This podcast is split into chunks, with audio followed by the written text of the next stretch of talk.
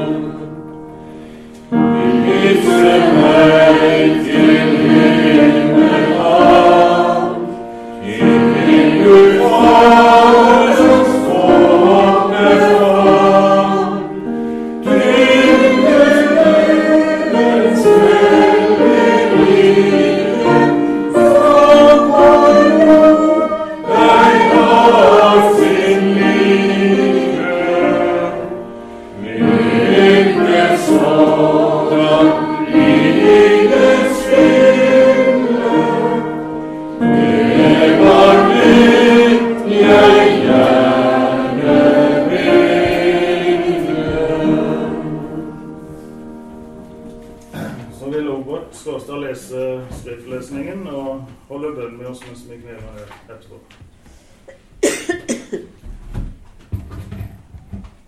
Vi finner skriftlesningshilsenen til oss i dag fra Paulus, når han skriver brev til galaterne. Vi leser det lille verset, kapittel 6, vers 2, i Jesu navn. Bær hverandres byrder og oppfyll på den måten Kristi lov. Kjære himmelske Far, du som er vår Far, du som er den som har skapt alt det vi kan se rundt oss, både det vi kan se og det vi ikke kan se, så ligger din kraft i atomet. Vi takker deg for det vi får lov å tilhøre din store familie, som er spredt over hele denne jorden. Og i dag har du forsøkt å lære oss hvordan du skapte menneskefiskere av fattige fiskere på denne jorda vår. Og bønnen vår i dag, den er at du må gi oss også å kunne bli dine venner og dine menneskefisker, slik at vi kan formidle den fantastiske troen vi får gjennom Bibelen, og den fremtiden som lyser der framme, at den kan bli vår, at vi kan eie den. Og at de vi omgås med, våre naboer, våre venner og andre vi møter på vei, måtte bli kjent med det fine fremtidshåp og det lyset som ligger der framme og venter på oss. Vi ønsker å innby deg som gjest her i dag at Din Hellige Ånd må være til stede, og at vår gjestetaler, at du må rikelig velsigne henne, og at alle vi som er kommet hit i dag, må få oppleve ditt ord. Derfor legger vi hele denne stunden i din hånd. Vi ber i Jesu navn. Amen. Amen.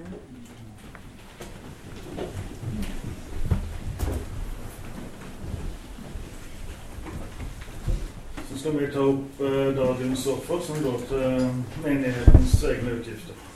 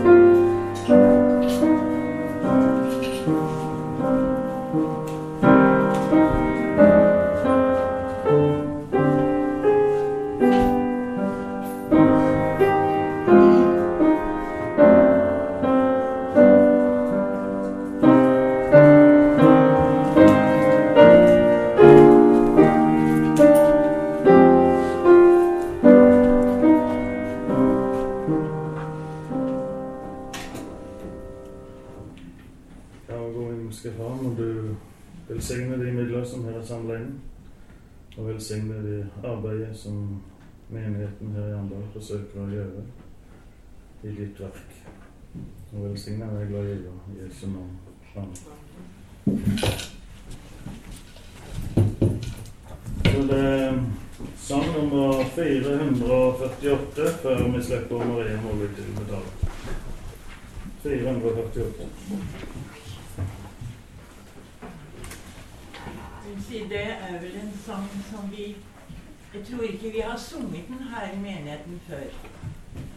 Og jeg, jeg må si det at jeg syns dere må legge spesielt merke til ordene i den sangen.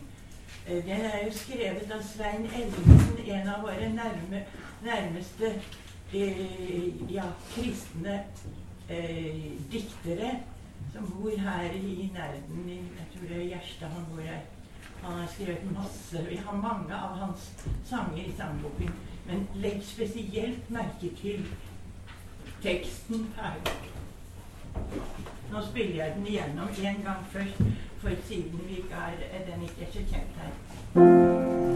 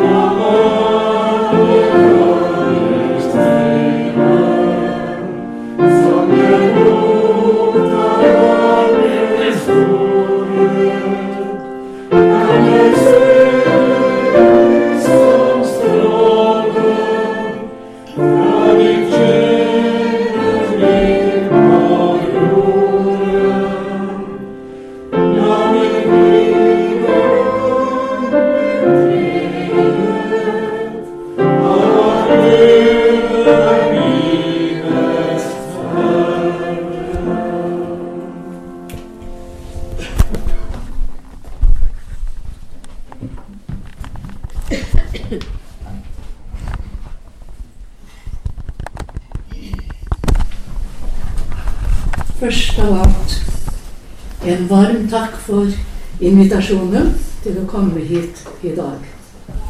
Det er alltid en fest for meg å komme til Arendal menighet. Det er så mange kjente, kjære fjes her. Og det er som i en familie. Noen står nærmere enn andre. Og jeg føler meg veldig sterkt knyttet til dere her i Arendal. Nå ser ikke jeg noen barn her, men det er kanskje noen lenger bak der. Skal vi ha en barnefortelling i dag, eller ikke? Jeg har oppdaget at når det gjelder barnefortelling, så blir vi alle mer eller mindre som barn. For jeg har inntrykk av at de voksne følger enda mer med enn barna. Så da får jeg visst ta en liten barnefortelling likevel. Er det noen av dere barn som har vært på sykehus? Har dere vært på sykehus noen gang? Ja.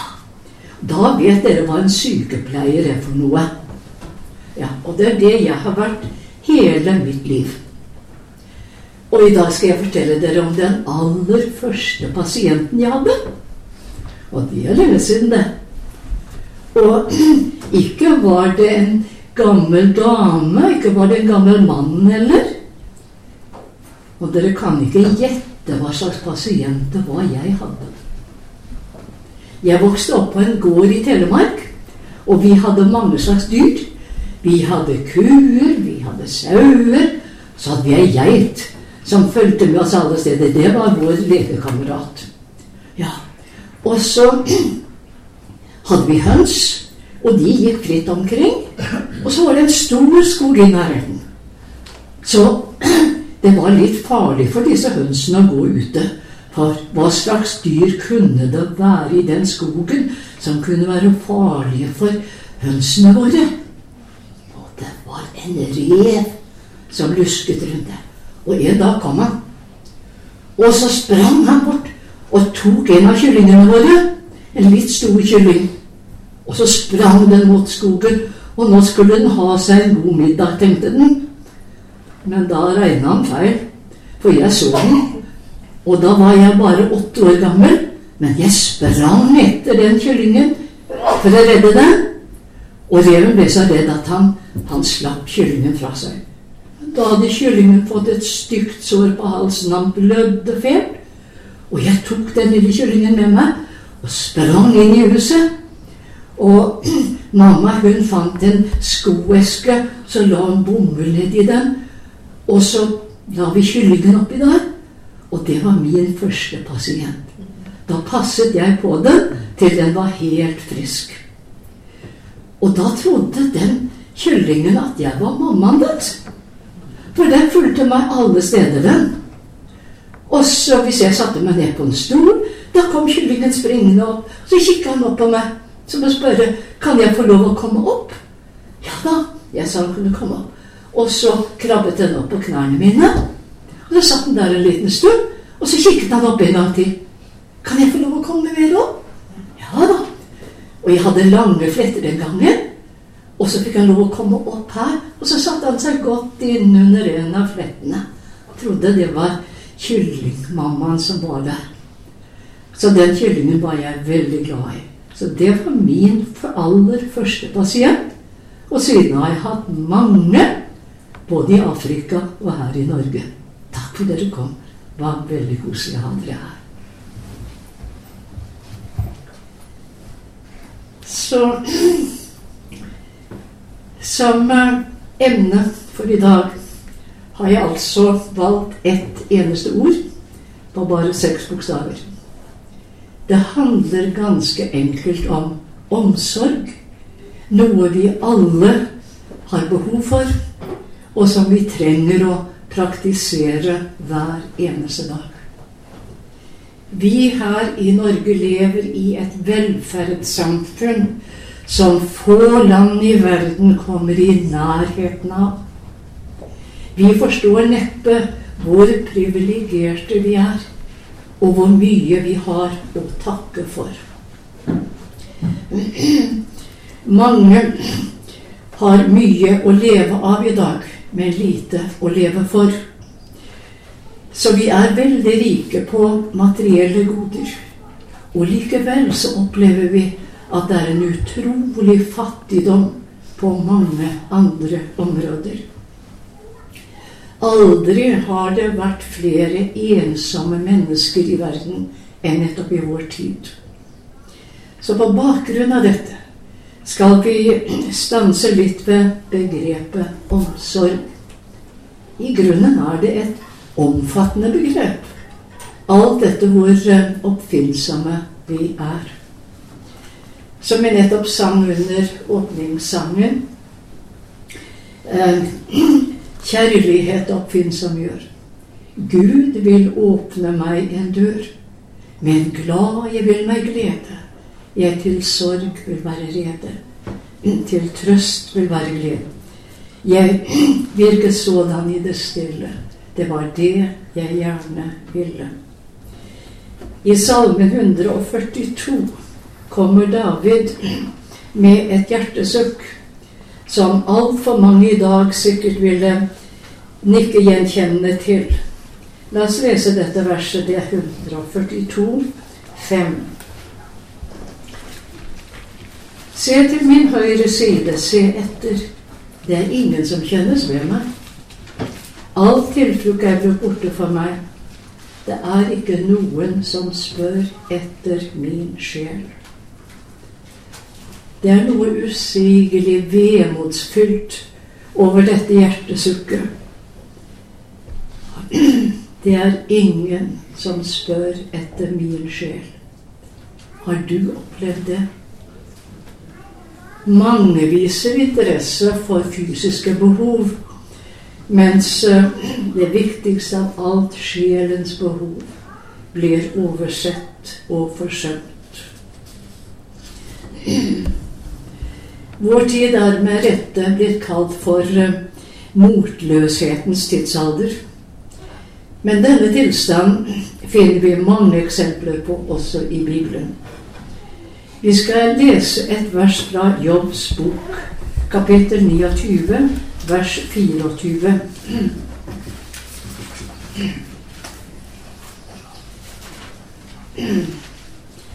Jobb sier her noe ganske bemerkelsesverdig angående hans forhold til sine venner. Når de var motløse, ja, hva gjorde Jobb da? Er det noen av dere som kan fortelle meg det uten å se i Bibelen? Ja, riktig. Det er første gang jeg har fått svar på det spørsmålet, og jeg har stilt det noen ganger. Eh, Han sier her Når de var motløse, smilte jeg til dem, og mitt ansiktslys kunne de ikke formørke. Så Jobb han verken eh, formante eller eh, refset eh, sine motløse venner. Så han gjorde bruk av dette utrolig enkle middelet. Han smilte til dem. En gammel legende forteller om en mann som fikk se djevelens lager av såkorn. Og han var forbauset over å se at det var én spesiell sort som det var så uhyre mye av. Og han kunne ikke dy seg. Han dyttet bort til djevelen og spurte du, hva er det for slags såkorn du har der? Og så flirte han stygt og sa haha, jo, det skal jeg fortelle deg. Det er motløshetens såkorn. Det er det mest effektive jeg har, og det som gir de aller beste resultater. Jo, vi trenger å være på vakt overfor denne snikende fienden, og ikke la oss besmitte av motløshetens ånd, men gjøre som Sofie i den kjente fortellingen 'Sofies preken'. Jeg tror noen av dere har lest den. Den er spredt over hele verden og er kommet ut i mange opplag. Denne herlige fortellingen om den enkle vaskekonen i New York som utrettet så utrolig mye for Gud. Hun sier til en prest som kommer på besøk Han var deprimert og motløs, han var helt nede i sokkene. Du vet vel det, bror, sier hun, at motløshet, det er djevelens visittkort. Men det tar ikke jeg imot. Ja, det gjorde ikke jobb heller. Men han smilte til sine venner. Mitt åsyns lys kunne de ikke formørke. For hvor lett vi lar oss influere og prege av negative holdninger. Det nytter ikke. Har du hørt de ordene noen gang? Kanskje har vi selv brukt dem også. Vi kommer ikke utenom livets ufravikelige lov om at vi høster det som vi selv sår. Det er en sang som jeg ikke har hørt på lenge, men som vi pleide å synge mye før i tiden. Jeg tror du, Sigrid, husker det. Så blomster, og blomster vil spire omkring deg hvor hen du går. Så ukrutt, og ukrutt vil myldre. Du høster hva selv du her sår. Akkurat det samme prinsippet gjelder motløsheten. Skal vi komme dem til hjelp som er sunket ned i motløshetens sump, så må vi som jobb ikke la noe formørke vårt ansiktslys. Hvis vi skal kunne fungere som sanne medmennesker og vise omsorg i denne vanskelige tid, er det viktig at vi legger oss dette på hjertet. Det er nemlig noen som trenger oss hver eneste dag. Og vi må ikke la oss lede til å tro at vi ikke har noe å gi, eller kan hjelpe dem på noen måte. For det er ikke i første rekke de store ord eller handlinger det dreier seg om. For mange år siden leste jeg et lite vers som jeg aldri har kunnet glemme. Tenk bare et håndtrykk, et varmende smil, kan give den feigeste mot, kan hjelpe den tretteste frem av den mil og gjøre den sletteste god. Enkle hjelpemidler som vi alle er i besittelse av. Spørsmålet er bare om vi gjør bruk av dem slik som vi skulle og burde. Det er kanskje lettere for oss å gi 100 kroner i kollekt enn å gi tilsvarende minutter til en ensom og motløs sjel. Personlig tror jeg at det er en nøye sammenheng mellom ensomhet og motløshet. Det siste er ofte en konsekvens av det første. Jo, ensomheten er blitt et stort problem i vår tid. I millionbyenes mylder er det paradoksalt nok ensomheten mer fremtredende enn noe annet sted. Jeg leste om en tjenestepike i San Francisco som gikk opp i fjellet i håp om å få dø uten at noen oppdaget henne. Hun ble likevel funnet. Og da sa hun disse ordene, som er så symptomatiske for en hærskar av mennesker i dag. Jeg ønsket bare å komme opp her for å dø. Jeg har ingen å gå til. Det er ingen som bryr seg om meg. Hører vi hjertesukket fra David? Det er ingen som spør etter min sjel. Det er så mye uønsket ensomhet i en ensom verden. Et av de mest presserende problem i dag blant folk flest. Kanskje er det en sterk påstand, men jeg tror likevel at det er full dekning for det. I Amerika ble det nylig foretatt en undersøkelse. Det var eh, et institutt for meningsmåling de hadde et oppdrag for Blå Kors. Og resultatet var at 52% av alle de voksne som ble spurt, de innrømmet at de var ensomme og deprimerte. Det er uhyggelige tall. 52% av den voksne befolkningen i Amerika. Men vi trenger så visst ikke dra helt over Atlanteren for å finne lignende forhold. Vi har mer enn nok av ensomme mennesker her i vårt eget land. Ja, kanskje i vårt nærmeste nabolag, for den saks skyld. Hører vi disse tause ropene om medmenneskelighet, varme og forståelse? Et av de fineste karaktertrekk eh, hos et sant medmenneske er evnen til å lytte. Kanskje flere blir hjulpet på den måten enn at det brukes velformede psykologiske formuleringer. Vi trenger å be som kong Salomo om å få et hørsomt hjerte, som virkelig lytter til andres nød. Og ved å hjelpe andre så glemmer vi mye lettere våre egne bekymringer og plager. For en del år siden var min mann og jeg i England, i London, en sabbat i New Gallery. Det var på den tiden pastor Stanley fra Australia var der borte.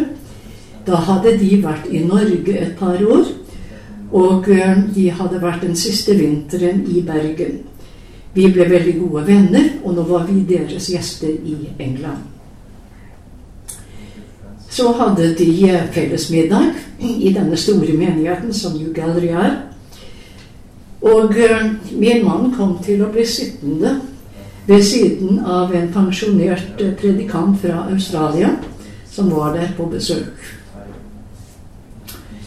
Jeg tror nok denne avdanka predikanten var en smule senil. I alle fall så avvek hans eh, teologi en smule eh, fra vår. Og han hadde et enormt behov for å dosere sine meninger. Og han holdt det gående. Han ble sittende ved siden av min mann og han holdt det gående hele ettermiddagen uten i det hele tatt å oppdage at Arnold ikke skjønte et kvekk av hva han sa. Stanley ble stille fortvilet da de oppdaget plasseringen. Men Arnold gjorde en god gjerning, han, ved å lytte så sympatisk. Det var sikkert lenge siden at denne predikanten hadde hatt en så god tilhører. Ja, omsorg gir seg utslag på mange forskjellige måter. Salomo sier i et av sine ordspråk at den rettferdige har omsorg for sin buskap. Altså er dyrene også inkludert. Og jeg husker en bonde hjemme i Telemark som ble en kristen. Og så var det en nabo som lurte noe litt på da åssen han kunne bevise det. Han syntes ikke han merka noen forskjell på ham. Jo, svarte den nyomvendte. Jeg slår ikke dyrene mine lenger. Ja, slik blir det når Jesus kommer inn i våre hjerter og liv. Han skriver sin lov her inne, og så blir det en glede for oss å følge hans bud. Jesus er vårt eksempel i alle ting, også når det gjelder å vise omsorg for andre. Hele hans liv var viet til denne omsorgstjeneste. Først i sitt eget hjem, senere utad til de skarer av mennesker som lyttet til hans budskap. Ikke minst kan vi lære mye av hans måte å møte enkeltmenneskene på. Som f.eks. samtalen med Nikodemus og med kvinnen ved Sykarsbrønn. Så er det noen eksempler på Jesu rørende omsorg som jeg elsker å stanse med. Husker dere hva Jesus sa til foreldrene etter at han hadde vekket opp Jairus' datter? Gi henne noe å spise. Ja, slik er Jesus. En omsorg så varm og skjønn. Han visste at en tolvårig pike ville bli glad for noe å spise. Og vi kan være sikre på at hun fikk noe av det aller beste hun visste den dagen. Så er det en tidlig morgenstund ved Tiberiasjøen. Syv av disiplene hadde vært ute og fisket hele natten uten å ha fått noe i det hele tatt. Jesus visste godt at de ikke hadde fått noe. Men han spør likevel på sin kjærlige måte Barn, dere skulle vel ikke ha noe fisk? Nei, det hadde de ikke. Så ber han dem å kaste garnet på den andre siden av båten. Og så fikk de 153 store fisker, husker vi. Da disiplene kom på land like etterpå, så oppdager de at Jesus han hadde allerede frokosten ferdig. Han, han hadde gjort opp ild og i glørne der lå det ferdigstekt fisk og brød ved siden av. Underfulle frelser. For en omsorg han hadde for sine disipler. Både på det åndelige og det fysiske plan. Og det aller siste eksempelet som jeg vil nevne, det er der Jesus henger på korset. Og som det ble nevnt i sabbatskolen i dag, at Johannes var den eneste av disiplene som ble igjen ved korset. Alle de andre stakk av. Og så er det at han ser sin elskede mor stå der, og vi kan vel ane litt av de følelser som de satt med begge to. Og så var det han henvender seg til sin mor og til Johannes. Ingen andre enn Johannes kunne fylle den oppgaven ved å være hans mor. Så den omsorgen ga han til sin elskede disippel Johannes. Og er det ikke nettopp slik du og jeg også opplever Jesus hver eneste dag? Ved den omsorg han viser oss, selv i de minste detaljer. Peter hadde lært en lekse som han gjerne ville dele med oss. I sitt første brev, kapittel 5, vers 7, der sier han Kast all deres bekymring på ham, for han har omsorg for dere. I spisesalen på Jeløy kurbad Jeg vet ikke om noen av dere, sikkert noen av dere som har vært der, om dere har lagt merke til det skiltet som henger på veggen der. For da står det Bekymringer var noe som Gud aldri hadde tiltenkt deg å bære. Alt det du trenger for himmel og jord, er gøymd i det ene ord Jesus, synger vi i en sang.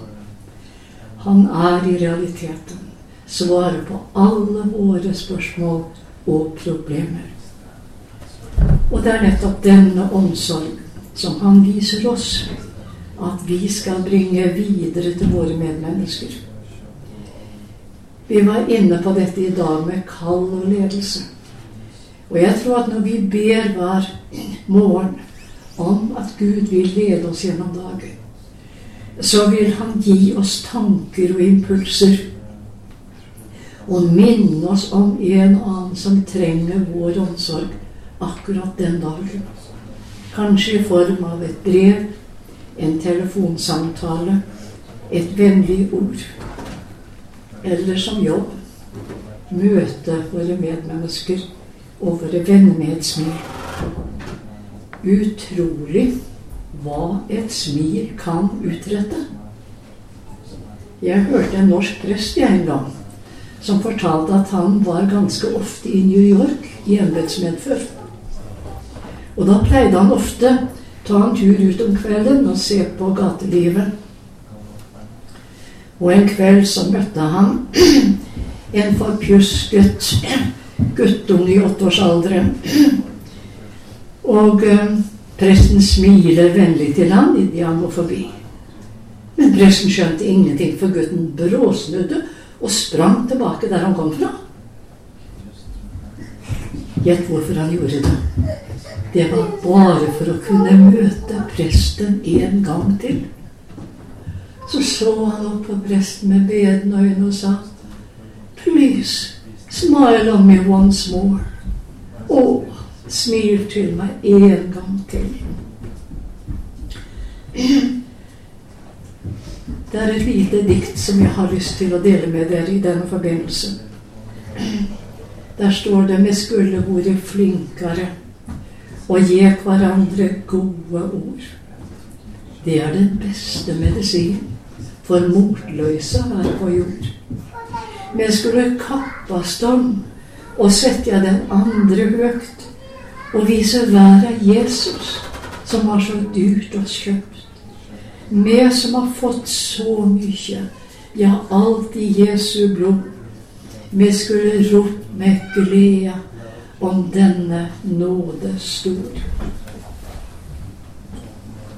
Vi fikk lest til å begynne med det kjente verset fra Galaterbrevet Bær hverandres byrder. Det lyder kanskje som en ordre. Men er det ikke egentlig en stor nåde nett dette å få dele et medmenneskes nød? Det koster nemlig noe å utlevere seg selv til en annen. Og en slik tillit er en dyrebar gave. Jeg har opplevd det så rikt i min lange sykepleietid.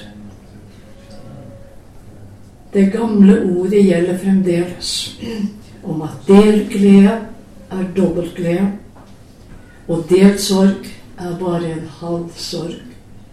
Og den største gleda en kan ha, det er å gjøre andre glad. Det var min manns motto, og han gledet utrolig mange. Så la oss også praktisere omsorg på alle måter, som Gud legger i vår vei fra dag til dag. Det å få være i Hans ledelse og vite at Han har eh, en konkret plan for oss hver dag, jeg synes det er veldig stort. Corrie ten sier et sted i en av sine bøker at uh, Gud har en maxiplan og en miniplan for oss. Maxiplanen går på de store trekkene, miniplanen på de minste og de små detaljene. og det står at Gud har lagt gjerninger til rette for oss, og det gjelder hver dag. Så det er noe om å gjøre å legge merke til disse oppgavene som Gud gir oss. Og jeg husker en gammel diakonisse som holdt en andakt over dette verset om å vandre i beredte gjerninger. Og så sier hun kan være noe så ubetydelig som å stryke et lite barn over håret. Det er ikke i første rekke de store oppgavene som Gud venter at vi skal se etter, men de små som er så lette å overse. Kjære, gode himmelske Far. Vi takker og priser deg for at vi får være dine barn. For den nåde du viser oss. For den omsorg du har for oss hver eneste dag. Og som du gir oss anledninger til å formidle videre til våre medmennesker. Herre, hjelp oss til å være lydhøre for din stemme, og at vi kan være dine medarbeidere Velsign hver enkelt av oss til velsignelse. I Jesu dyre navn. Amen.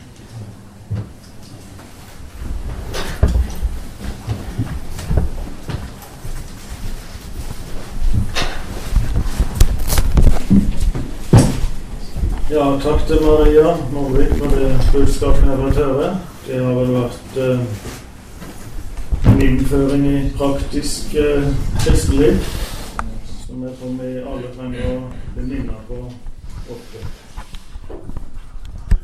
Skal vi avslutte med sang nummer 574? 574.